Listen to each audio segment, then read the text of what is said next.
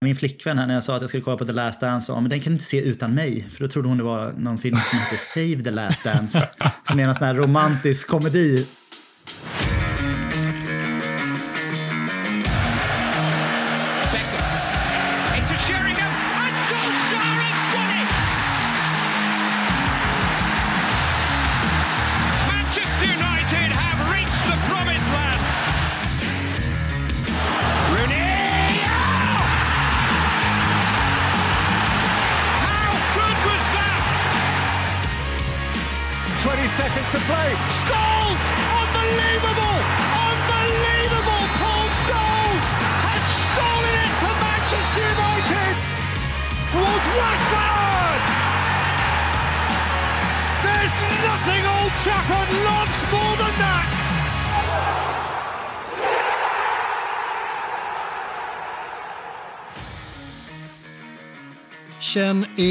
Varmt välkomna till ännu ett avsnitt av United-podden. Podcasten som du inte visste att du längtade efter. United-podden görs i ett stolt samarbete med både den officiella supporterklubben MUS och United-redaktionen på Svenska fans.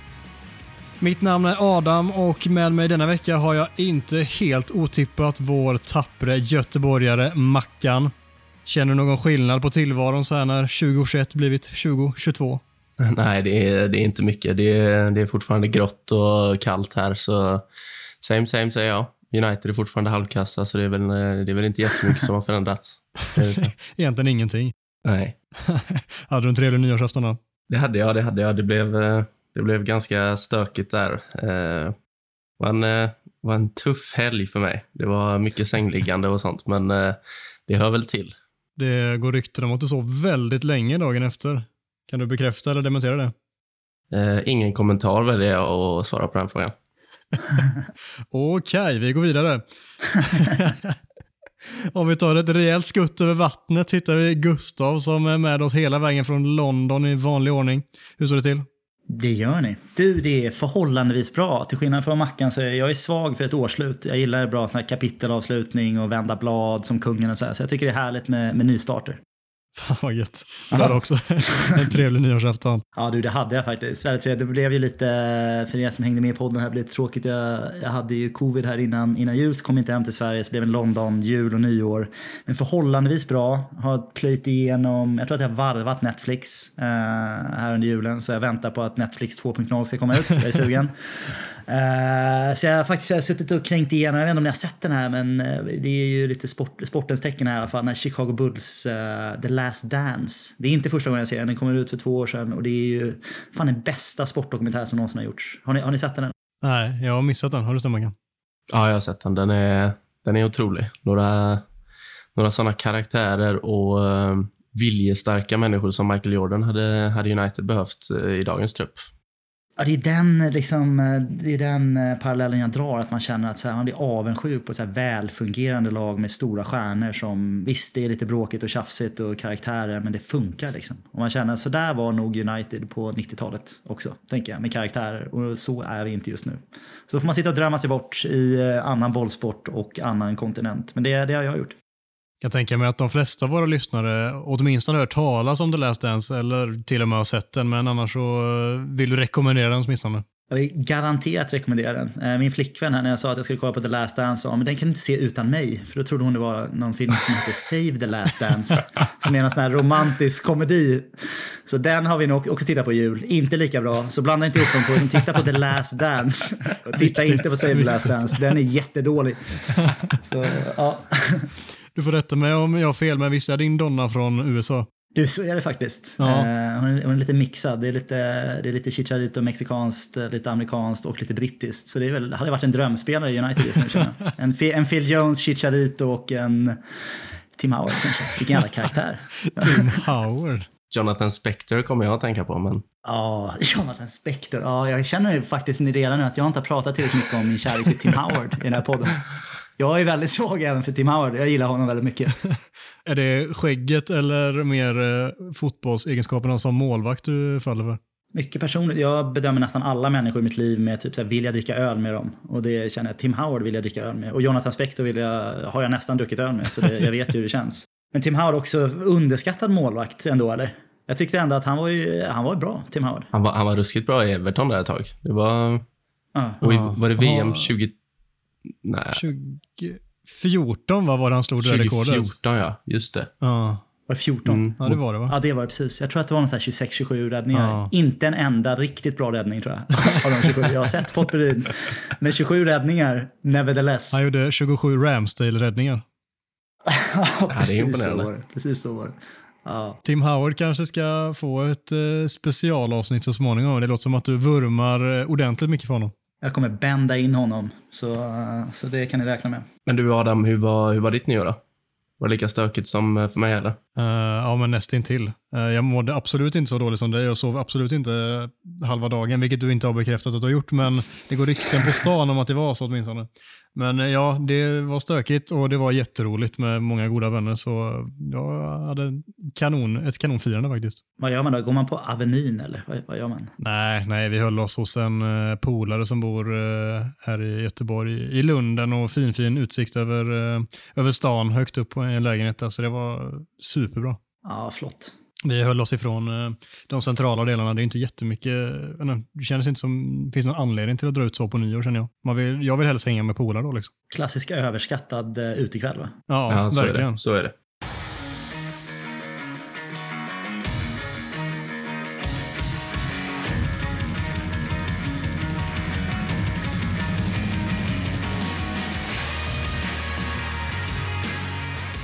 Manchester United tyckte inte att glädjen efter 3-1 mot Burnley skulle bli långvarig och såg därmed till att torska med 1-0 hemma mot Wolverhampton. I vilken ände vill vi ens börja här Mackan? Finns det två ändar? Ja, det är upp till dig att avgöra. Börjar i den positiva ändan Mackan, alltså titta på de positiva grejerna. Okej, ja, men eh, då, vi tar väl avstamp i comebackernas comeback, som man kanske kan kalla det. Eh, det enda positiva från gårdagen var väl att vi fick se Phil Jones tillbaka i, i startelvan och eh, alltså som han imponerade. Och, eh, jag vet inte, jag, jag, det gör mig fortfarande lite glad att tänka på att han faktiskt spelade och gjorde det så pass bra. Så eh, ja, det får man väl ta med sig framåt och eh, le lite åt så här 24 timmar efteråt ungefär. Så det var, det var kul. Och så blir han ändå sågad av en av mina absoluta favorit eh, nyhetskällor, text-tv. Ja, så det. Eh, vidrigt tycker jag att de summerar Uniteds insats som att förlusten på grund av Phil Jones misstag. Det tycker jag är jävligt hårt alltså. Helt sjukt att kalla det ett misstag också. Det är absolut, du måste inte nicka den rakt ut i mitten, men ett misstag är det ju inte. Så många lager av 2-2-2 liksom känner jag att det ska finnas någon våg där som ska täcka, täcka det där skottet. Man kan tycka det. Nej, men eh, för att gå tillbaka till eh, Jones, det var otroligt roligt att få se honom faktiskt efter två års skadehelvete. Han har ju haft några, några skadeproblem genom åren, men det här har nog varit hans absolut eh, tyngsta och värsta där han fått kriga sig tillbaka. Så bara det gjorde mig jätteglad. Jag skrev innan matchen, jag skiter egentligen fullständigt i hur han presterar i matchen. Jag är bara glad för att han skulle få se det. Och han har ju blivit en meme på gott och ont, men eh, det är också en fin människa där bakom. Han var, ju, alltså, han var ju bra direkt från start också. Jag vet inte. Ja, nej, det var, det var mm, både överraskande och jäkligt kul att se att han ändå såg så pass skarp ut som han faktiskt trots allt gjorde. Så det, ja, överraskande och kul. Skämt åsido så vet man ju det, det mentala helvetet som han har gått igenom här senaste åren också. Det var väl ett, jag kommer inte ihåg när det var han gick ut, om det var tidigare, eller om det var ett halvår sedan ungefär, när han snackade lite om hur tuff pandemin hade varit för honom och skade, skadeperioden. Så då får man ju, jag känner ju extra mycket värme och kärlek för honom då förstås. Att han ska få framförallt komma tillbaka till fotbollen för han är, han är en duktig fotbollsspelare, rent, rent kast. Tycker han är, han är 29 år också så han har ju förhoppningsvis ett par år framför sig på högsta nivån.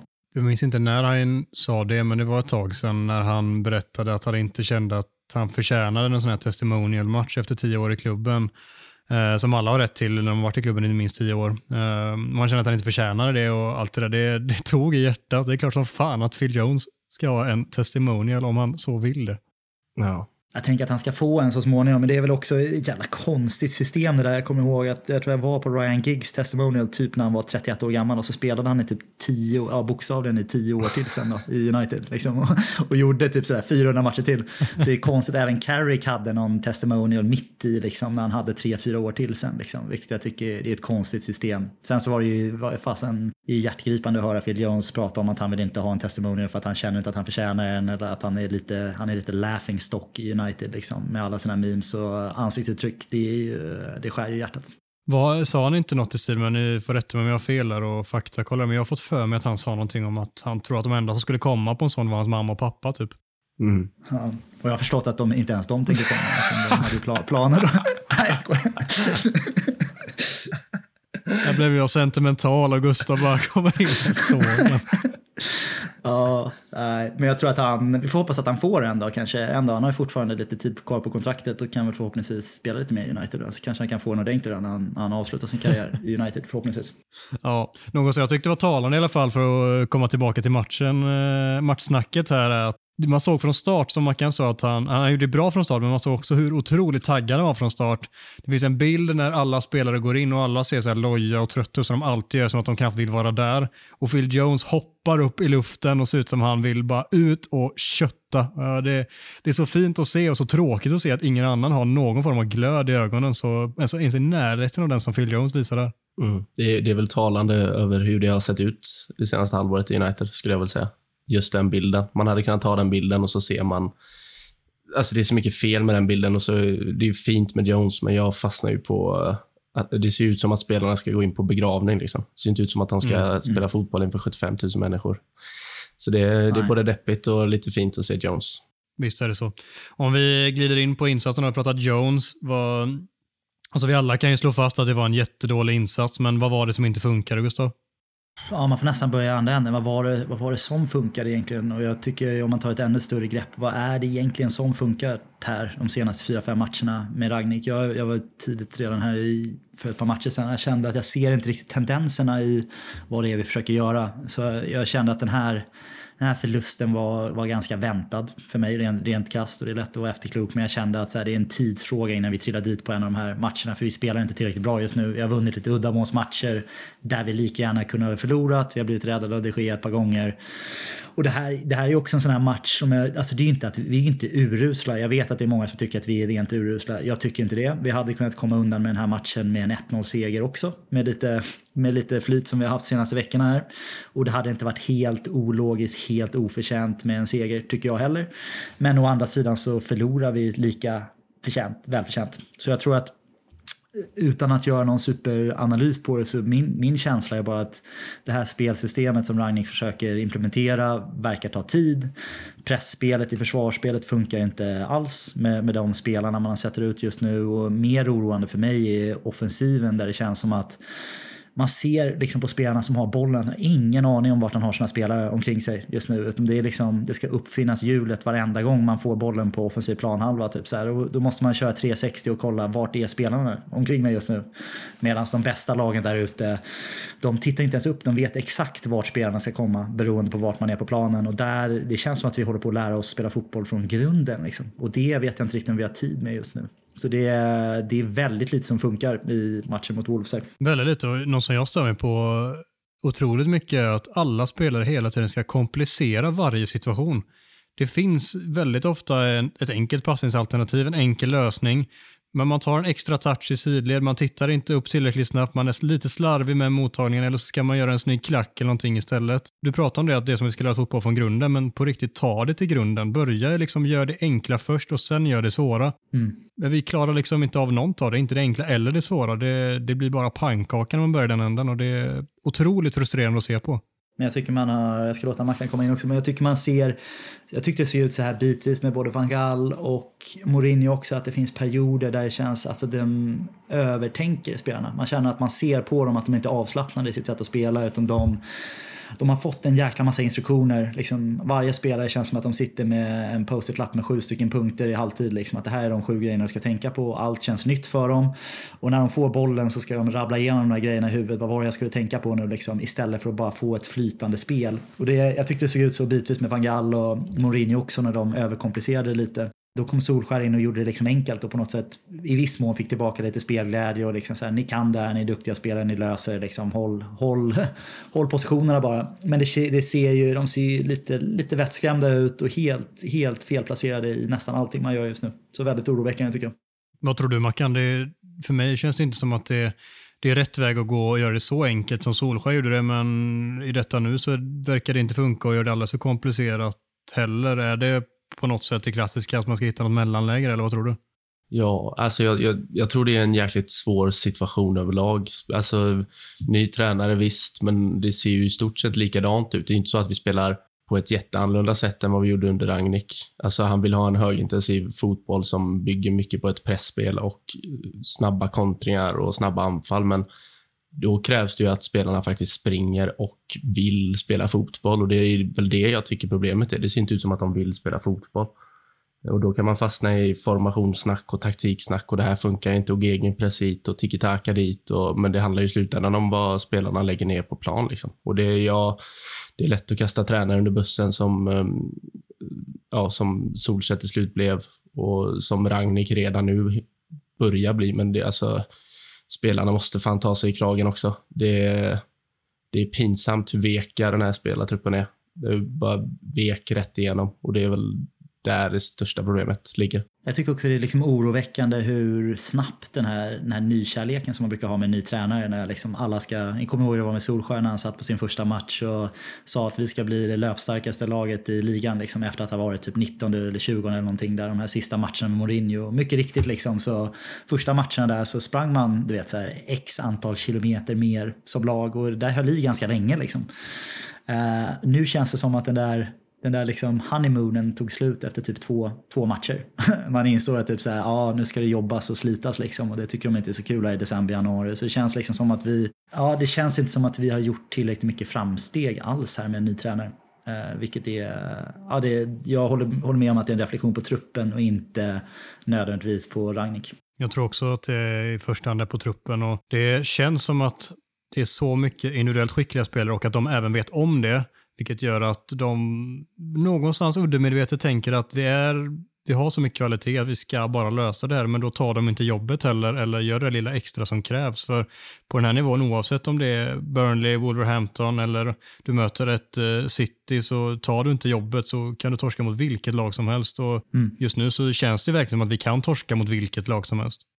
Men det, det, det, alltså det är ju konstigt om spelarna tänker så, för de, Alltså, det har ju sett ut så här i ett halvår nu. Så det, ja, ja, men det är jag, alltså, undermedvetet är jag liksom. säker på att det, att det sitter där någonstans i dem. Att vi ska lösa det här ihop men för att vi är så pass bra individuellt, men de får liksom inte det att funka tillsammans. Och det kanske är det här som vi pratade om i förra avsnittet, att det är en ganska uppdelad trupp just nu, United-trupp. De spelar inte som ett lag och de verkar inte riktigt heller känna att de är ett lag. Och Shaw var väl inne på det efter matchen igår i en intervju, att de spelar inte som ett lag där ute. Och det kanske är där man måste börja nu, få hela truppen att känna liksom gemenskap, tillhörighet och må bra ihop. Som han ville säga mer i den intervjun förresten. Man mm, ser på verkligen. honom att han bara vill, han vill bara lasta ut allt han uh, tänker på, men uh, ja, det hade ju varit... Är det, är det rekord i att bita sig i tungan eller? ja, ja, jo det är det.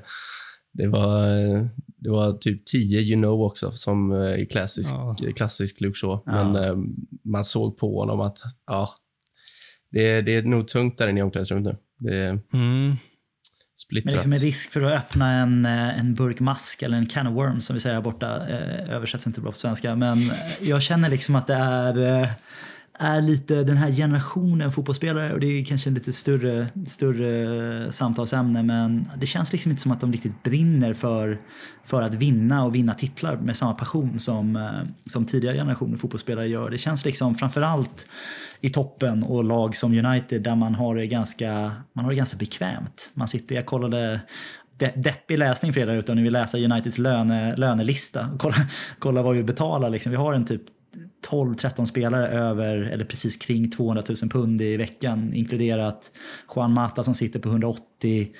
Och sen även de här liksom, jag tittade då att Phil Jones sitter på typ 120 000 pund i veckan, Matic 120 000 pund i veckan och liksom hela, hela vägen upp där. Det är liksom, jag, jag, känner att rent krasst att de, de har inte den här passionen. Jag tror, jag, jag, tror att pengarna är ett stort problem. Att man har inte den här, det spelar inte så stor roll om man vinner tre Premier League-titlar eller en eller ingen. Liksom. För att man, många av de här spelarna, det är inte det som är deras största drivkraft. Och det, det oroar mig lite. Jag ser liksom den här truppen nu och känner att vi, vilka är det som är genuint har svårt att sova på natten för att det går så jävla dåligt för laget just nu, som mår dåligt? Vilka mår Roy Keane dåligt? Eller, eller hela den där Gary Neville-generationen dåligt? Liksom? Jag, jag, tror att det är väldigt få som gör det. Vissa gör det, men jag tror att alla känner lite att ah, hoppas det blir bättre, hoppas någon annan löser det. Vi kanske får in en ny tränare, ett större namn, får in lite nya spelare. Vet. Alltså det känns som att någon annan ska lösa det, men än de spelarna, de tar inget eget initiativ. Och känns lite nöjda. Alltså att bara spela i United och tjäna bra pengar. Ja, precis så. Och det är helt obegripligt. Jag känner liksom att Paul Pogba är för mig liksom ett, han är liksom ytterexemplet på en spelare där jag känner att så här, jag tror inte att han kommer må dåligt om han inte vinner Champions League eller vinner stora liksom, ligatitlar här under sin karriär. Han har vunnit sitt VM-guld, vilket var det absolut sämsta som kunde hända han i sin karriär. Att han har fått det erkännandet liksom. Men eh, han kommer casha in sina rekordlöner, spela i de bästa klubbarna, få sina liksom, advertising endorsements och var, liksom, komma sig ihåg som en väldigt, väldigt stor, stor spelare. Och det spelar liksom, han, han har ju liksom inte det här, Cristiano Ronaldo har ju det, liksom, det här drivet av att han vill vinna en titel till, han vill vinna en till topscorer of the League hela tiden. Liksom. Men det är ganska få spelare i vår trupp som har det, har det drivet. Det, alltså det jag fastnar vid, vid, om vi är inne på det, typ, jag vet att Gary Neville har sagt det säkert 10-15 gånger att det är bara i United man ser de här tendenserna. Alltså du ser ju inte Mané, Salah, Firmino eller Bernardo Silva, Mares, Foden slå av på takten och tro att äh, det, vi behöver inte springa idag. Fast är det inte lite en sanning med modifikation. Jag tänker det så här, jag tycker Tottenham kan man ju se en del spelare som liksom Eh, som presterade bättre under Pochettino och sen blev det lite jobbigt och tråkigt och då är liksom Dele Alli och i viss mån Kane som kanske har vaknat till liv nu då liksom och Dyer och en jävla massa spelare där som var betydligt bättre och hungrigare förut. Jag tycker även att det var ju ett av Citys stora problem att de varenda gång de vann en titel så såg man på dem att de inte hade samma glöd när de gick in i Premier League nästa år och så försvarade de ju nästan aldrig titeln. För att de behövde liksom den där motivationen i att de skulle jaga hela tiden. De klarade inte att hålla sig kvar på toppen på det sättet som, som jag alltid har sagt att det är Sir Alex Fergusons största bedrift är att han lyckades få de här spelarna motiverade att vinna Premier League för sjätte, sjunde och åttonde gången. Att det är liksom, hur, hur får man en spelare att bry sig om att vinna det en sjätte, sjunde, åttonde gång när de redan har vunnit det fem gånger? Liksom. Det, det är en bedrift.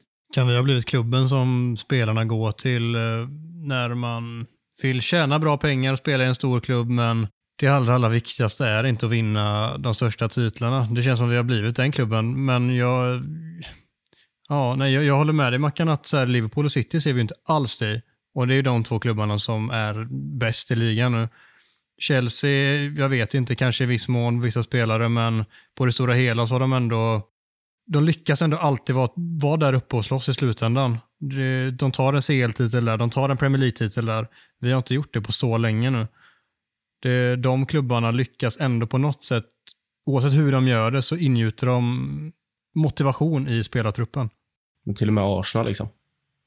Ja, det, det, det fan. Så långt ska vi inte dra det än. Alltså, det var en, en bra match. En otroligt bra vi match var det. Vi behöver inte, ja. vi behöver inte spika fast det, men jag menar, där ser man i alla fall att Alltså, i, även om de inte har varit så bra under en lång tid så, så beror det på att de inte har kvaliteten. Det beror ju inte på att de inte vill. Liksom. Ja, nej, nej, de har ju inte haft spelartruppen, absolut. Men eh, ja, kanske mer vilja där, möjligen vill säga emot på vissa spelare, typ Aubameyang, men eh, det, det finns, eh, det finns mer av den varan. Özil är han fortfarande på Arsenal-böckerna. Ja, Özil sitter där någonstans och trycker fortfarande på en god lön trots att han är i Turkiet. Ja, mm. och nåväl, tillbaka till matchen. Jag vet att vi inte vill prata om den. Vi måste säga någonting mer och vi har en veckans macka att ta tag i, så kör. Alltså, jag... Det blir, det blir en liten eh, modifikation på den här veckans macka. Eh, bäst var Phil Jones, så jag tycker vi har pratat tillräckligt om honom. Eh, näst mm. bäst vill inte jag ge till någon. Eh, och sämst vill jag ge till alla.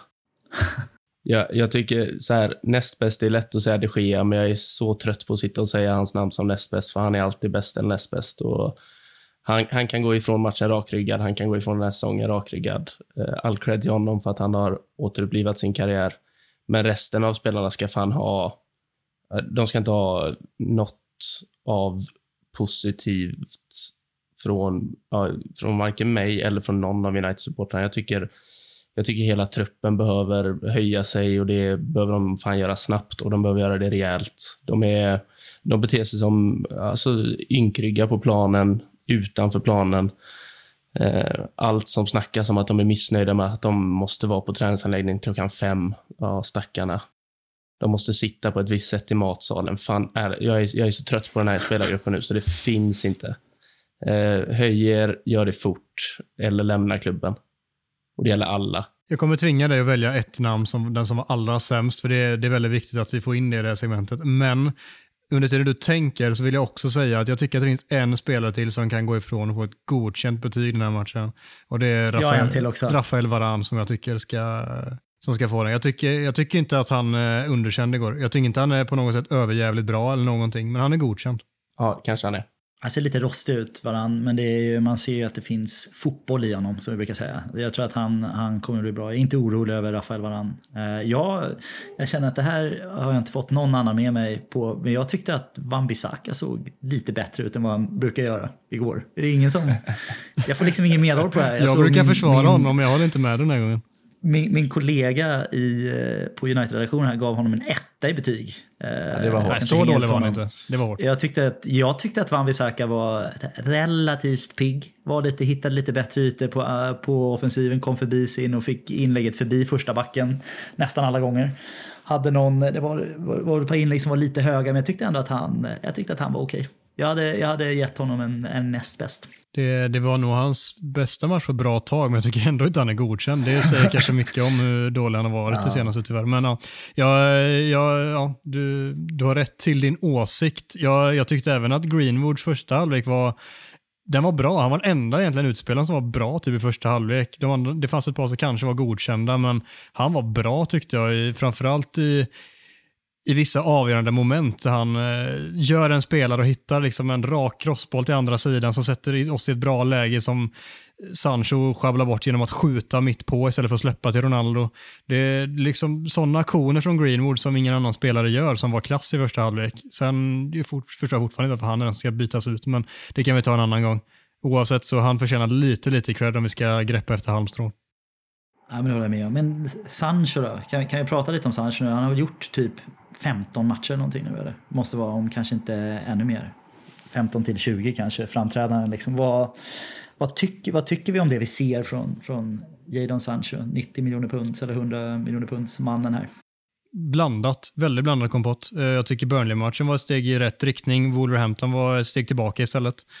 Det, det, går långsamt framåt eh, över tid, men i vissa matcher så hoppar det ett stort tag tillbaka och så, så går det lite, lite bättre ett par matcher. Och så, det blir inget flyt i det för dem. Det är som att jag tror, man tänkte att han, när han började göra ett par mål där, att det verkligen skulle lossna, men det har inte riktigt flugit än.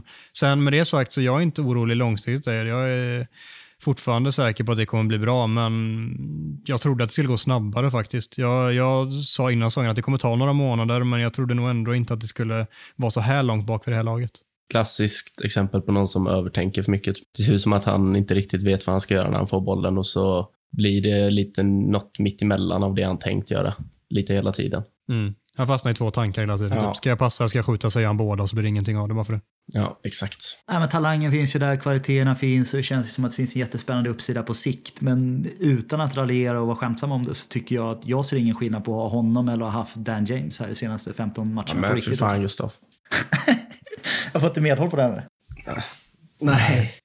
nej, det får, nej. Det, det, det, alltså, det är bara att titta en, Dan James gjorde också ett par mål och assist och hade någon match och lite, en, halvtimme, en halvtimme där och där, här och där där han liksom såg lite spännande ut. Han kunde ju inte behandla en boll för fem öre och det tycker jag är väldigt skönt detaljer, med Sancho. Att, ja, att man ser att han har en sån otroligt hög nivå i den så bara funktionella tekniken, vilket gör att vi reder ut många situationer som jag nog inte tror att många tänker på. Men sen överarbetar han väldigt, ja, väldigt ofta situationerna därefter, tyvärr.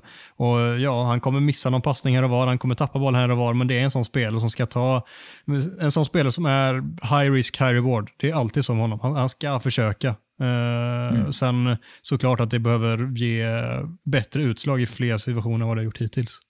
Mm. Ja, men så Men uh, ja, du Mackan tillbaka. Du måste välja en spelare som var sämst. Du kommer inte undan. Jag vet att du sitter där och försöker, men uh, vi sätter en pistol mot din tinning och tvingar dig att välja. Mm. Med El Capitan blir det då. Alltså Ronaldo. Mm. Jag, jag, jag hade kunnat välja Cavani också. Men, eh, ja. Alltså det anfallsparet. Hade jag, hade jag varit Jadon Sancho eller Mason Greenwood igår så hade jag blivit galen på dem. Alltså. Det är som att spela med två stenblock där framme. Jag vet inte vad de höll på med. Uh, ja, nej, det är sämsta insatsen jag sett från ett anfallspar någonsin. Och Cavani har varit borta länge och är lite sleten. Ronaldo har inga ursäkter.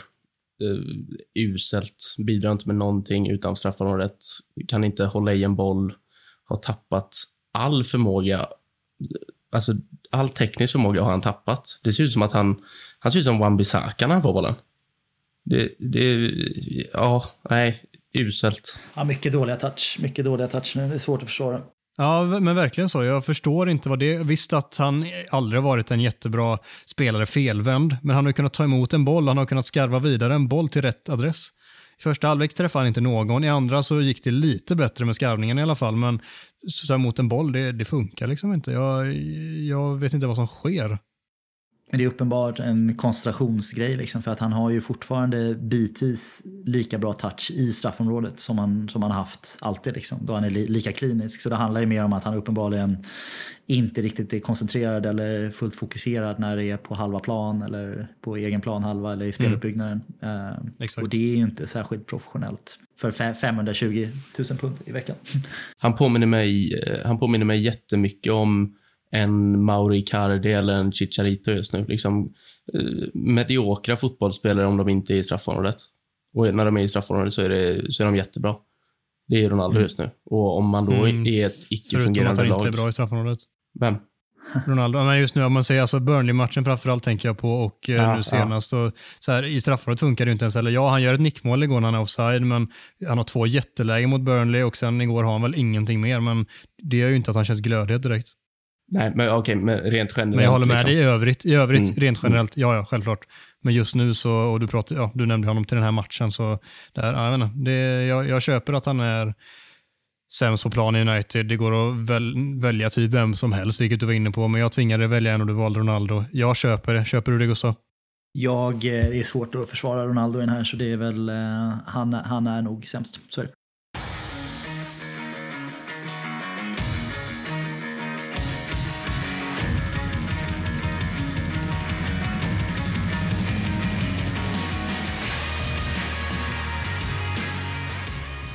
Suck C-segmentet Talk of the Town är tillbaka med fem påståenden med aktuella ämnen som vi helt enkelt diskuterar huruvida det är sant eller inte. Det första lyder Phil Jones har en roll att bidra i för United de kommande säsongerna. Vad känner vi? Gustav, vill du hugga tag i den? Jag hugger alltid gärna tag i allting som har med Phil Jones att göra och eh, fortsätter försvara honom som jag gjort blint här genom, genom åren. Jag tycker, tycker absolut det. Och, eh, det kanske inte räcker det vi såg här i, igår men eh, jag tycker att han har, han har en nivå som absolut håller, håller i United. Jag tycker alltid även när man jämförde honom med Småling och Bailly och Rojo och alla de mediokra backar vi har haft här genom åren så tycker jag att han är den som har högst lägstanivå och känns mest stabil. Eh, så jag ser honom gärna som en tredje eller fjärde mittback. En fjärde mittback är det väl i dagsläget då. Eh, han sitter dessutom på ett två och ett halvt uh, år till på kontraktet här. Uh, och uh, eftersom att jag har läst kontraktslistan här, uh, som jag är uttråkad, så vet jag att han har hög lön också. Så jag tänker att det är liksom ingen som kommer, det är ingen som kommer ta över hans kontrakt. Så jag tror att vi får nog förlika oss med att vi, vi ska försöka göra någonting med honom i två och ett halvt år. Och det gör inte med någonting alls. För jag tycker att han är en, han är en bra, bra fotbollsspelare när han är frisk. Så jag ser gärna honom i truppen. Alltså, jag blir inte ledsen om han blir kvar, men om jag ska svara på om han borde ha en roll United kommande säsongerna. Ja, ja det, det är en spelare som är på en OK nivå normalt sett. Vi ska liksom nyhetens behag såklart. Alla älskar lite Phil Jones just nu och jag sitter i den båten 100% också. Superfin. Men ska vi vara ärliga så jag, jag tycker inte att han är tillräckligt bra för att ta en roll i truppen. Då kan vi lika gärna hitta en yngre spelare som vi kan satsa på långsiktigt om man ändå inte ska vara en spelare som ska vara och konkurrera stenhårt om de första två, tre platserna bland mittbackarna tycker att då finns det andra vägar att gå. Sen om han skulle råka bli kvar i slutändan så blir jag inte jätteledsen för det. Men när man vet också hans skadehistorik och vad det kan landa i så att säga att han blir borta ett år eller han blir borta ett halvår där. Liksom där det, det är så han alltid har varit tyvärr och jag, jag hoppas för hans skull att det inte kommer fortsätta vara så men om vi tittar på sannolikheten att han kommer hålla sig skadad för att kunna vara tillgänglig så mycket som han ändå skulle behöva vara så är den så pass låg så då tycker jag att vi är rätt i att släppa honom om vi har möjligheten till det. Ja, jag, jag är med på ditt, eh, på ditt spår Adam. Jag, jag, jag gillar honom och jag hade, inte blivit, jag hade inte blivit ledsen om han blev kvar men eh, det finns så mycket andra vägar och beslut att ta längs vägen. Alltså, vi har ju fortfarande kvar en Toan Sebe i klubben. Eh, vi har en Teden Mengi som är ung och lovande som kanske är värd en, en sån roll istället då. Så nej, denna säsongen kan få en roll och så kan han kanske spela till sig en, en god liten flytt i sommar. Det är han värd. Så får han en fin testimonial innan han lämnar också. Ja, exakt. Ja, det ska han ha. Den här, jag, jag tycker genuint, utan att raljera, att Phil Jones högsta nivå är ungefär snarlik med Harry Maguires. Ja, jag kan köpa det. Alltså utan, ut, ut, utan att vara skämtsam. Alltså det bästa, bästa Phil Jones-tiden som mittback är ungefär samma som eh, Harry Maguires bästa tid som mittback. Mm, och folk sitter nog där ute nu och skrattar, men det, det har mycket med den här meme Phil Jones, att han, han gör, gör lite roliga grejer ibland, han har sitt minspel, men ska vara ärlig och titta på den mittbacken han har talang till att vara och som han har varit genom åren han har varit sitt allra bästa, så jag kan köpa det. Det är, det är någon liknande nivå där, men kan man inte hålla sig i, spelskick, alltså i speldugligt skick Nej. så går det liksom inte. Det är kanske Maguires främsta styrka att han normalt, nu var han ju skadad senast då, eh, ironiskt nog, men det, alltså förra säsongen var han väl den som spelade mest i typ hela Europa, om, eller om det var säsongen innan dess. Oavsett, han, är, han har ju något form av rekord i antal minuter i rad och sådär, så eh, det, det är kanske hans främsta egenskap. Ja, kvantitet över kvalitet. Kör ja, men lite så. Mycket. Spelar mycket fotboll. Inte bra fotboll, men mycket fotbollsspelare. Exakt. Ja. Det har något det också. Ja. Ja. Men eh, vi tar ett litet beslut och jag säger att han inte har en roll att bidra i för United kommande säsonger. Vad säger Mackan?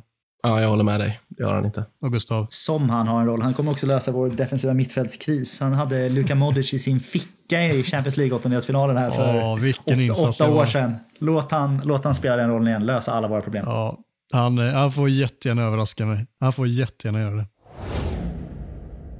Ronaldo och Cavani bör aldrig någonsin spela tillsammans från start igen. Jag var inne på det förut här i matchsnacket, men eh, alltså det, är, det är den sämsta anfallsprestationen, eller den sämsta prestationen jag sett från ett anfallspar på alltså, lång tid. Och då har jag ändå följt svenska landslaget hela mitt liv typ, och de har haft ett par riktigt odugliga anfallspar. Alltså. Men eh, alltså Mattias Jonsson och Marcus Albeck hade nog gjort det bättre. Säkert. Det, det är liksom, den ena tar upp den andras ytor. Eh, Ronaldo springer och halvklagar lite hela tiden. Cavani är oskarp och ser lite kantig ut. Alltså, eh, jag, jag kan inte förstå att båda fick 90 minuter igår och jag tycker aldrig de ska få 90 minuter tillsammans igen. Då är det bättre att spela en, en Greenwood och Cavani eller en Rashford och Ronaldo eller en Rashford och Cavani eller vad fan som helst. Liksom. Så länge vi slipper se Ronaldo och Cavani igen så är, är jag nöjd. Typ. Phil Jones och Cavani. Phil Jones var ju typ vår off bästa offensiva spelare igår. Det var väl han som eh, bröt mest linjer och fixade den där frisparken på tilläggstid. Så... Han ska ju ta den frisparken. Låt han ta den. Han är het. Han har hot hands som de säger i amerikansk fotboll. Låt han ge honom bollen. Han hade benskyddat in den i bortre krysset. Han Han glitar in med benskyddet därifrån. Underbart. Det är ett intressant resonemang och jag håller med. De var klappusla igår, men jag kan ändå inte landa i att de aldrig någonsin ska spela tillsammans från start igen. Det, jag, jag kan inte göra en sån bedömning på en insats ihop. Det, det går inte för mig, men jag, alltså, ja, det, det är jättedåligt och det är inte så att de ska starta nästa match ihop heller, eller kanske den efter det, eller på ett bra tag, men förr eller senare så det kanske behövs och det kanske är läge för de två att spela ihop. Testa igen då, funkar det inte så byt fort som fan, men jag tycker inte att, det, att man ska dra så stora slutsatser på en insats som var minus ett av tio i, på en skala mellan mm. ett och tio. Nej, men den är... Eh, ja, nej, men jag, det är svårt att försvara deras insats eh, igår här och på något sätt göra reklam för att säga att så ja, nej, men det här kan nog bli bra. Låt dem spela ihop sig lite. Det, så känns det inte. Men jag håller inte riktigt med om att det var huvudproblemet eh, igår. Utan jag tycker att det är, det är ganska hopplöst att vara två stycken klassiska nior poachers som Ronaldo och Cavani egentligen är nu.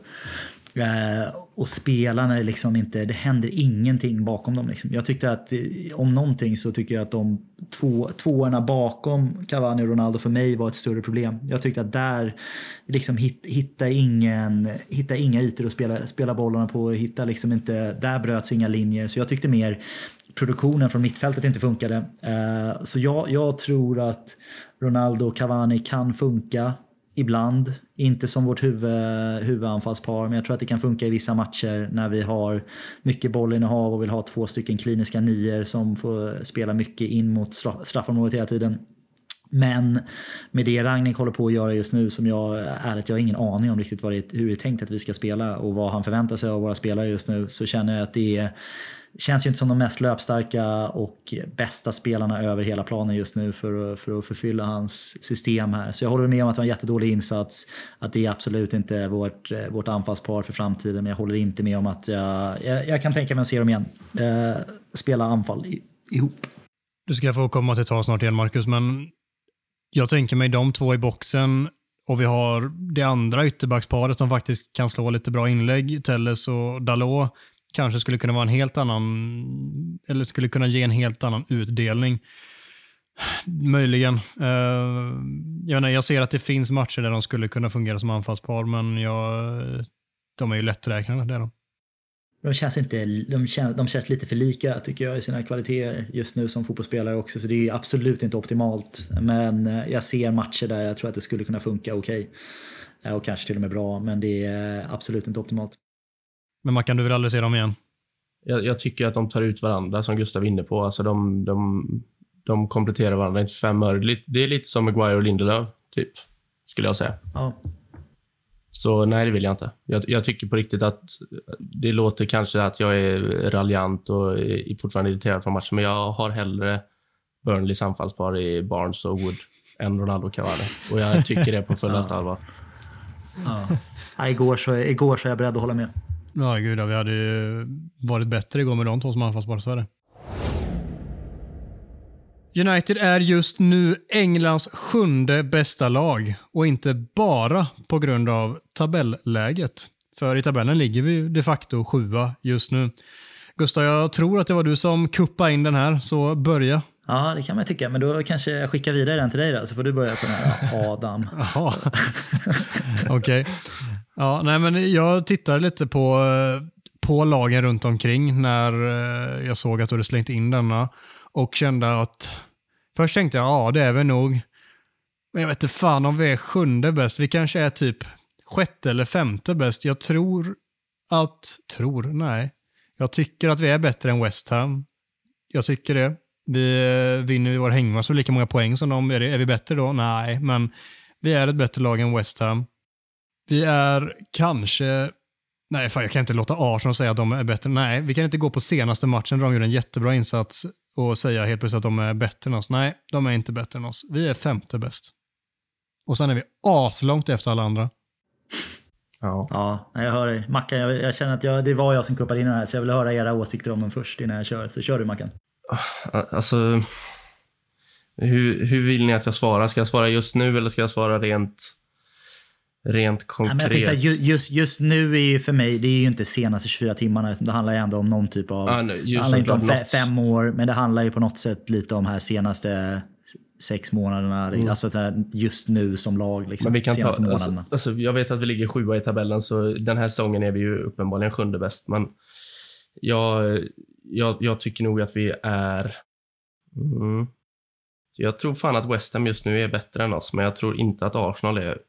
Arsenal är ett sånt blufflag. De har mött skitlag liksom och så har de gjort en bra halvlek mot City. Och då ska, de, då ska alla spelare adlas och få medaljer. Liksom. Fan, lugna ner er. Arsenal är sjunde bäst. Vi är sjätte bäst den här säsongen. Ja. Ja, Jag tycker det är roligt att ni, liksom, ni, tar för givet att när man säger sjunde bäst i England, är det det är ingen som tänker att det kanske är ännu sämre. Liksom, att vi är åttonde, nionde. Nej, sjunde, så bra är vi inte. Ni tar, ni tar för givet att det handlar om att... men, det, men det är bra, ja, i och för sig. Det är så, så känner jag dystert också. nu. Nej, men jag, så, så här känner jag. Det är absolut, tabellen eh, kan ju ibland tala sitt tydliga språk. Jag tycker inte nödvändigtvis att den behöver göra det. Det är ganska många gånger man har legat sexa och känner att nej, men vi har ju egentligen kvaliteterna och borde vara tvåa, trea, fyra liksom. Eh, så känner jag inte just nu när vi ligger sjua, utan jag känner mer att eh, lite så här, ja, hur fan lyckas vi ligga sjua just nu när man ser hur vi spelar mot vissa av de här lagen. Liksom. Även de som ligger bakom oss.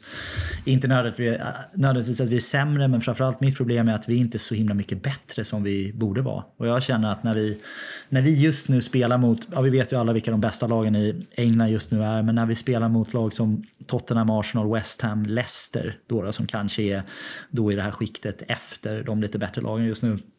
Jag känner rent krasst att vi har typ en tredjedels chans att vinna.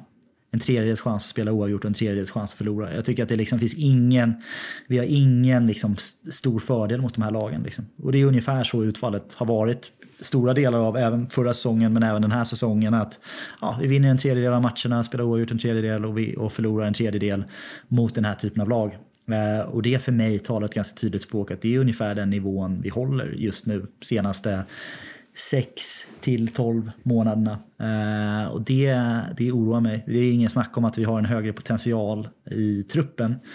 Men om man tittar hur vi spelar som lag så känner jag jag känner inte någon typ av sån här att vi ligger sämre än vad vi borde göra. Eller att ge oss bara 15-20 matcher till så kommer tabellen jämna ut sig och det kommer visa sig att vi egentligen är det tredje, fjärde, femte bästa laget. Så känner jag inte alls just nu. Nej, nej, vi kommer få eh, slåss typ där vi ligger. Kämpa, kämpa för att hålla oss kvar i kampen om topp fyra och sen leva på hoppet att vi flaxar till oss och tar oss förbi i slutändan. Typ. Det, det är någonstans där vi ligger just nu. Och för att vara ärlig, en topp fyra plats just nu, det handlar ju om en fjärde plats. För det, är liksom, det, finns ingen, det finns ingenting att slåss om för de första tre är alldeles för långt borta, både kvalitetsmässigt och i viss mån nästan poängmässigt. Då. Eh, men, eh, så det handlar ju om om man ska kunna knipa den där fjärde platsen då före ett Arsenal som, ja, jag vet inte, det, jag vågar aldrig liksom säga att Arsenal är på väg någonstans. Bara för att de gör någon bra match här och där. Det tycker jag de gör varje säsong. Tottenham däremot, de har ju hittat en tränare som uppenbarligen har löst receptet för att vinna, vinna matcher just nu och, och skaka igång Harry Kane lite, så de känns lite oroväckande. West Jag skulle säga att de är favoriter nu, förlåt att jag avbröt dig, men jag skulle vilja säga kör Tottenham är favoriter just nu som, eh, till fjärdeplatsen. Just nu känns det så. Man har en tränare som uppenbarligen vet liksom hur, man, hur, man, hur man gör för att pressa ut resultaten ur, ur truppen. Liksom. Så har ett West Ham som väldisciplinerat, vet spela på sina resurser. Alla Leicester en gång i tiden. Uh, Leicester ligger bakom oss just nu. Men det så jag tycker absolut att det är... Nej, men så här välförtjänt känner jag inte att vi har legat sjua någonsin tror jag. Faktiskt. Inte ens under David Moyes säsong när vi kom sluta sexa kände jag att vi liksom välförtjänt låg sexa. Jag känner att vi välförtjänt ligger sjua just nu. Ja, det, jag tycker också att vi välförtjänt ligger sjua just nu, men jag tycker inte att vi är det sjunde bästa laget i England. Anled- Anledningen till att jag har... Alltså jag, folk underskattar fortfarande West Ham. Liksom, som att ah, men de, de har haft en formtopp nu ett tag. De har ju varit bra i över ett år nu. Liksom. De är ett ganska bra fotbollslag. De är ett väldigt bra fotbollslag just nu. Eh, och eh, Tottenham, det är ju som natt och dag från när Conte kom in. Så nej, jag ser både... Jag, alltså, tar vi en topp fyra-plats så är det på gränsen till en bragd. Alltså. Jag kan inte se det hända. Det är så vansinnigt att man ska känna så kring ett lag som har den här truppen. Det, det är helt sjukt. fram, framförallt, vi går in, alltså den här säsongen, jag var länge sedan jag var så exalterad att gå in i en säsong. Där jag kände att Cavani såg så jävla spännande ut. In, innan Ronaldo kände man så här, nu har vi lösningen på vem som ska vara nummer nio. Vi, har liksom, vi, får, vi, får, vi får nästan allt vi ville ha och lite till. Liksom. Vi fick mm. mittbacken av världsklass, högeryttertalangen av super, superkompetens. Liksom. Det, var bara, det var så jäkla bra rakt igenom. Eh, och sen så, jag fortfarande lite positiv. Då. Jag vet att han får mycket skit, men jag tyckte ändå så här, Ronaldo, han kan ju bli liksom, the tipping point som får det här laget att verkligen lyfta. Jag kände mig superspännande inför den här säsongen. Mm. Och eh, det är riktigt, riktigt antiklimax.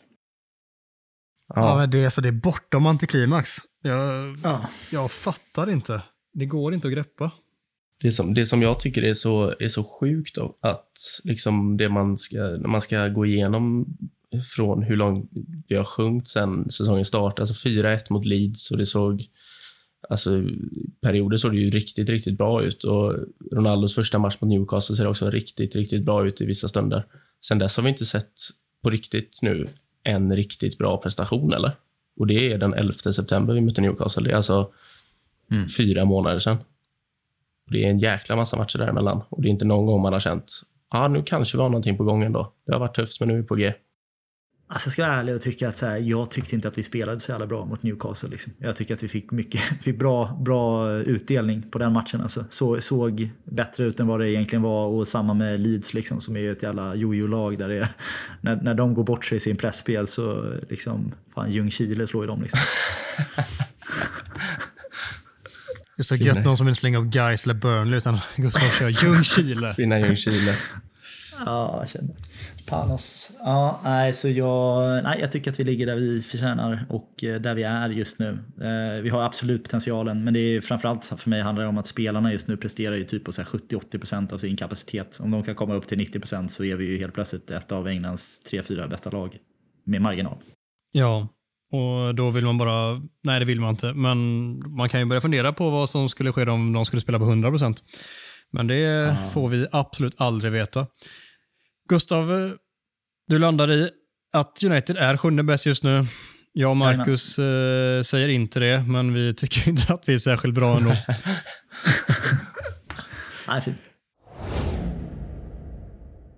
Ralf Rangnick är fel man för jobbet. Och eh, Du har ju satt upp många av veckans ämnen, Gustav. När du säger jobbet, menar du då interimjobbet den här halva säsongen? Eh, ja, det är väl det jobbet han har just nu då, primärt. Sen så har han ett längre kontrakt som ska gå över i någonting annat här. Mm, men det är inte helheten är du menar, utan just interim? Nej, jag, jag tänker just, just nu, det är hans primära jobb just nu är att vara en interimlösning. Och ja, det är förstås väldigt tidigt att bedöma det här, eh, om, det, om det är rätt eller inte. Men det är min, min grundkänsla har varit hela tiden här att det, han känns mer som en så långsiktig projekttränare eh, än den här kort, kortsiktiga lösningen. Eh, och det har väl mina liksom, orosmål har väl blivit lite bekräftade här då senaste matcherna. Att man ser att spelarna liksom ser, ser lite vilse ut i hans sätt. Och man undrar om det här, hans sätt att försöka utveckla oss taktiskt, om det behöver 10-15 matcher för att sätta sig. Det har man inte riktigt råd med om man ska vara huvudtränare i, i sex månader för en klubb. Eh, och framförallt så frågar jag mig då, liksom, är det vad är det för tränare som ska komma in efter honom då om han ska då vara med i processen och rekrytera? Ska det garanterat vara en tränare som vill spela exakt samma pressspel som Ragnik nu sätter? Eh, eller vill man ha in en Pochettino eller någonting annat som kommer komma in med kanske sina egna eget sätt att spela på? Vad har man då liksom spenderat de här sex månaderna på att lära om spelarna ett helt nytt pressspel och ett nytt sätt att spela? Så jag blir lite men jag är lite osäker på vad fan vi håller på med liksom, egentligen, i den här, den här perioden fram till sommaren. Vart är vi just nu i den här resan? Liksom? Det, det made sense när Solskär sattes som interim och så gick det bra. Och så det var väl kanske inte superlogiskt att han fick ett långt kontrakt. Men det kändes ändå som, det kändes relativt logiskt vad som hände. Nu känner jag, jag har ingen aning om vad vi håller på med och jag tycker att vi jag hade hellre sett en liksom sån här Gus Hiddink-lösning. Någon som är bara bra på att komma in och skaka om och få, få spelarna att springa lite mer. Liksom än någon som kommer in och är taktisk snille här och har något jättelång eh, långt projekt. Så, så, så jag känner att han känns kanske inte rätt för det här sex månaders uppdraget som han har just nu. Spontan tanke, jag vet inte ens själv var jag landar just nu i detta, så en fråga till dig Gustav, hur du tänker här. Kan man fundera på att det kanske ändå är värt med short pain liksom för long gain i det här fallet. Att det kanske, ja, det kanske blir ganska skit resultatmässigt den här våren, men Ragnik påbörja en process som gör att när nästa tränare tar vid så är den processen redan på, liksom påbörjad. Vi är mycket närmre att kunna bli ett färdigt lag snabbare därefter eftersom att han kommer vara med och handplocka en tränare som någonstans ska kunna ta vid de grunderna han satt i, som självklart har egna idéer, för det har alla tränare, men någonstans har han ändå påbörjat den processen till vad som komma skall. Kan man känna att det ändå kan vara värt det i slutändan?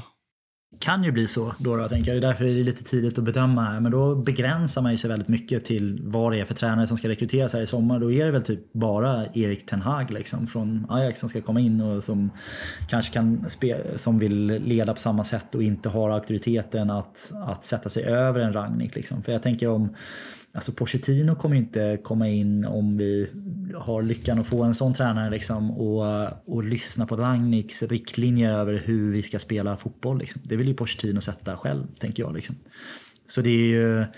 Vi får väl se då, det, liksom om, om ett år, om, han, eh, om it all made sense. Precis som du sa, liksom, att det är long, long game här. Liksom. Men min känsla just nu är att jag tycker det bara känns jäkligt osäkert. Liksom, vad, vad det är för resa vi egentligen är på med den här truppen eh, just nu. Jag eh, håller med, jag ska skjuta in Mackan snart. Jag håller med dig om att alla de här frågorna dyker upp i min skalle också. Och jag känner inte att jag har något svar just nu egentligen, men jag tycker inte heller att någon ska ha något svar nu heller. För, för mig är det fortfarande för tidigt att säga att han är fel eller rätt man för att ha det här interimjobbet. Jag tycker att han behöver i alla fall få en fem till tio matcher till innan man på något sätt kan slå fast att det är fel eller att det här är rätt. Eller att ja, det var sådär. För mig, jag behöver i alla fall se mer innan jag kan slå fast. Jag ser jättemånga ut som redan har vänt emot Ragnik som man kan vara lite inne på förut, kasta, inne och kasta honom under bussen också. Det, det är så otroligt eh, kortsiktigt tänk i alla supportrars ögon och eh, jag vill inte vara den supporten. Jag, eh, så därför vägrar jag säga att han är fel man för jobbet.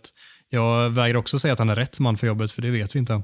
Nej, jag tar, jag tar vid vid det, vid det jag sa innan. Jag tror att det är, eh, jag tror att det är lätt att kolla på, på vad han har bidragit med hittills och eh, hur lite som faktiskt har förändrats. Men ah, ah, det är så tröttsamt att komma tillbaka till att det är spelarna som det är fel på, men jag tror, till, alltså jag tror att det är det. Och sen om det är rätt eller fel, eh, ja, det får vi väl se i sommar då.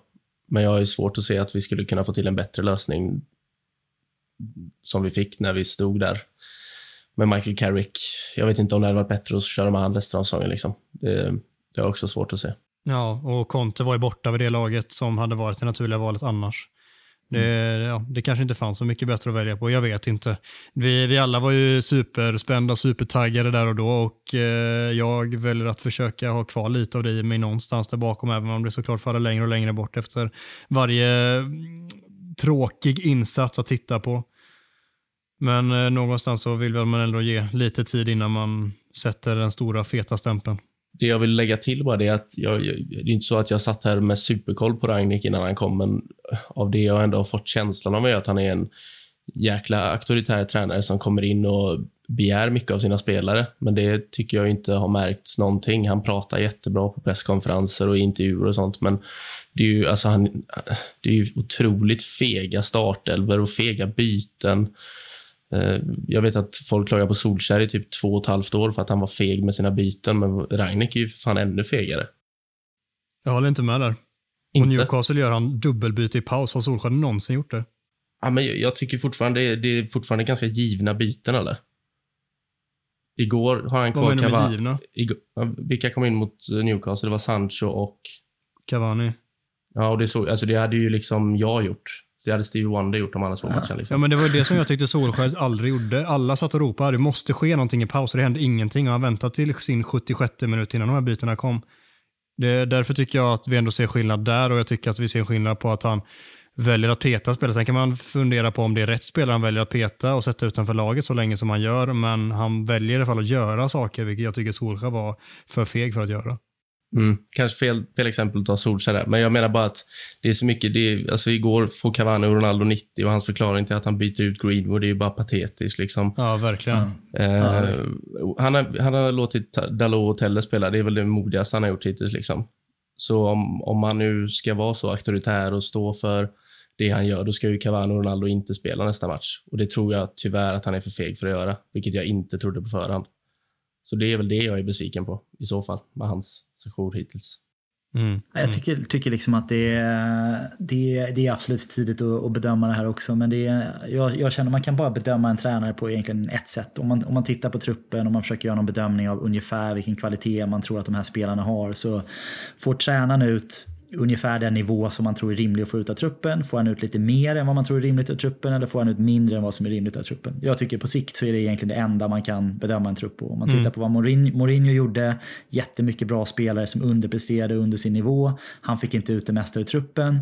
Solskär bitvis tycker jag att han fick ut det mesta av truppen. Spelarna såg ut som att de spelade på ungefär antingen sin rimliga nivå eller till och med vissa spelare såg lite bättre ut än vad de, vad de har gjort tidigare. Ferguson är ju liksom, om vi ska gå tillbaka långt, hade ju en förmåga av att få liksom spelare som jag vurmar för som Johnny Evans och Park och Phil Jones och liksom hela jävla balletten och se betydligt mycket bättre ut som fotbollsspelare än vad de uppenbarligen har varit i andra, andra klubbar med andra tränare. Så det var ju hans stora bedrift. Liksom. Om man tittar på Rangnick nu så, om man tittar på truppen så förutom David de Gea som har väl en egen tränare tänker jag, det är väl inte Rangnick som tränar för David de Gea. så, så, så är det liksom, det är ju inte en spelare som är ens i närheten av den högsta nivån som jag tror är rimlig för dem 2021, 2022. Då menar jag inte att Ronaldo ska spela på sin liksom 2000 jag vet inte, 13, 12, 12 nivå liksom. Men vad man tror är rimligt för dem, det är ju liksom som jag pratade om innan, man spelar på 60, 70, 80 procent av sin kapacitet. Och det, det är ju Ragniks nöt att knäcka den här i vår. Att, att Mm. få spelarna Rashford och kanske till och med Martial etc. Liksom, att se ut som att de är ja, men så bra som de kan vara. Verkligen. Vi ska landa i någonting. Vad säger du Gustav? Är Ragnik fel man för jobbet? Jag tror det, det är min gissning just nu. Eh, Så ja. Mm. Marcus? Nej. Jag säger också nej, för jag känner inte att man kan bedöma det ännu. Sista. Vi behöver inga nya spelare i januarifönstret och jag tänker att den här kan vi ta rätt rappt egentligen. Behö behöver vi några nya spelare, Marcus? Um, nej, men vi behöver få upp våra spelare på en rimlig nivå. Jag tror det är det, det viktigaste. Det är dumt att fokusera på andra lagspelare nu. Fokusera på våra egna. Jag, är- jag är samma då. Jag har sagt det tidigare att, att Declan Rice eller Kieran Trippier, liksom, de, de gör ingen skillnad i den här truppen med de problemen vi har just nu. Liksom. Så det, vi behöver absolut jobba med, vi har en talangfull trupp och det är den som ska utvecklas. Vi behöver inte mer, mer talang just nu. Jag säger att vi behöver nya spelare just på grund av att sättet vi spelar på nu kräver väldigt mycket av de två ensamma mittfältarna, centrala mittfältarna och där har vi så otroligt lite att använda oss av. Vi har McTominay som ändå spelar på en rätt okej nivå. Fred har gjort det bitvis. Vi har Matic, sen har vi ingenting mer och det känns alldeles för tamt och skralt när vi vet att matcherna ska bli oändligt många framöver. Så jag säger att vi behöver en innermittfältare i januarifönstret. Jag tror inte att vi kommer få någon. Gustav, Gustav hade ju lösningen också. Phil Jones. Phil ja, Jones.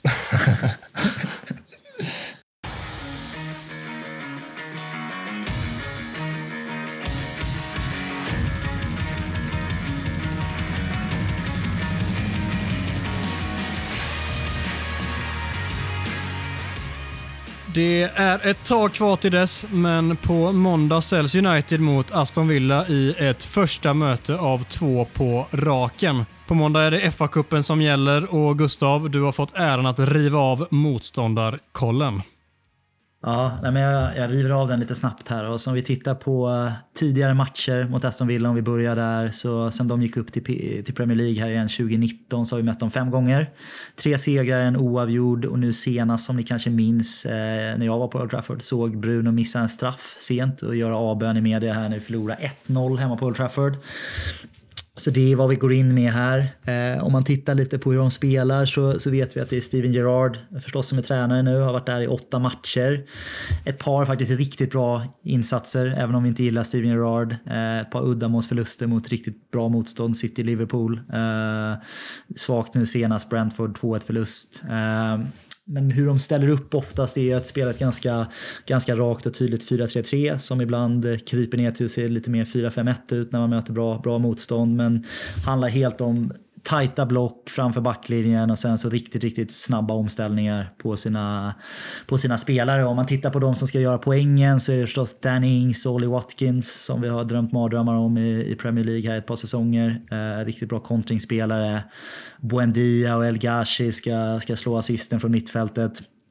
Och med lite United-koll så jag lite osäker på om han är, han är kapten men Axel Tuanzebe är förstås eh, i Aston Villa. Ashley Cole är där som ytterback också. Så vi kanske, eller sa jag Ashley Cole? Ashley Young Eh, förstås där på ytterbacken. Ashley Cole vill vi verkligen inte se. Tuan Sebe kan ju, vi måste, vi måste flika in det, men Tuan Sebe kan ju faktiskt vara, ha bytt till Napoli på, det sägs ju Så vara väldigt nära att han är nära Napoli faktiskt. på ett eh, lån säsongen ut. Så han kanske redan är borta när vi kommer dit, men nej, han får inte spela mot eh, oss om han skulle vara kvar. Så är det. Titta vad snabbt du googlade det. Eller satte det. Så det var väldigt bra. Sen så annars, Googlade? jag, annars tycker jag, jag, jag, tycker, jag gillar en bra målvakt och så gillar jag när det går dåligt för Arsenal. Så det är också kul att se att Emiliano Martinez är så otroligt bra efter att ha fostrats hela sin tid i Arsenal och typ tillhört Arsenal i tio år. Eh, och så är han en, sån, en av de bästa målvakterna i ligan just nu om du frågar mig. Så det, den utmaningen har vi framför oss. Jag är också tacksam att Leon Bailey är skadad, för det är en spelare som jag håller väldigt högt. Jag tyckte det var jättebra i Leverkusen och har eh, sett väldigt bra ut när han har spelat i Aston Villa, men tyvärr haft en del skadeproblem sedan han gjorde flytten i somras. Så det är en spelare som det är nog inte får möjligheten att se den här matchen som det verkar, men eh, en spelare som eh, är värd att hålla utkik efter när man tittar på Villa framöver. Mm. Nej, men de är ett, det är ett liksom eh, kompakt och väl, välfungerande lag. Hur, hur låter det? det? Det har man inte ett. Så det, det finns många spelare som kan fylla in när systemet funkar. De har en John, John McInn på mittfältet, Aston Villas Scott McTominay. Eh, så det är, som funkar ganska bra. Så det är ett välfungerande lag vi möter. Tuff utmaning. Och hur känns det, Mackan, att ställas inför? Ja, McGinn, det är väl Fergusons drömvärvning till United, tror jag. så Så, eh. Troligen. kvali- kvalitet finns. Nej, jag vet, jag vet inte. Så fort, eh, så fort United möter ett lag med Danny Ings i så är jag livrädd. För att han är... Jag tycker han är otrolig alltså. Um, har väl haft det lite tufft sen flytten, men hans mål i var det lördags de spelade, säger väl allt om hans kvalitet. Liksom snett, ganska dåligt läge med fel fot och han bara trycker in den i bortre burgaven. Så Ja, ger man honom ytor så släpper man in mål. Och United är ganska bra på att ge motståndarna ytor den här säsongen, så det kan nog smälla till en och två gånger. Så det känns väl sådär. Ja, det känns sådär. Det, det gör det verkligen. Jag tror att vi får en rejäl nöt att knäcka här. Eh, och jag kan inte se oss gå och vinna två gånger mot dem eh, på kort tid. Det skulle inte förvåna mig om vi torskar en, vinner en, eller kryssar en, vinner en, kryssar två. Jag, jag, vi kommer inte vinna två matcher i alla fall mot dem. Och då... Eh, Nej, jag vet inte vart jag vill komma med resonemanget. Jag bara tror att det blir jävligt tufft mot dem. Och Det är väl inte så en asskarp Anders att dra efter det senaste, men eh, det är den jag drar. Eh, nej, men jag är faktiskt jag är beredd att gå emot, för även om jag har varit pessimistisk i hela avsnittet. Jag tror att det blir the bounce back effekt här. Jag tror att vi, eh, vi kanske hittar lite rätt och så kommer vi få lite positiv anda med oss in i nya året här. Två segrar vidare i kuppen och en uddamålsseger mot Aston Villa i ligan. Vilken spelare i fa Cup-matchen är det som leder vägen mot vinsten? Phil Jones. Phil Jones. Åh, vad glad jag har blivit. Ja, härligt. Gör han vårt eh, första hörnmål för säsongen då? Eller? Ja, Han ska ut och slå hörnorna nu igen, va? Ska han inte det? Så det, han får väl han får knorra, knorra in en där kanske. Legendarisk bild när han slår en hörna borta mot QPR med två händer i Två luften. händer uppe. Ja, det är en gammal Ljungskile-taktiken.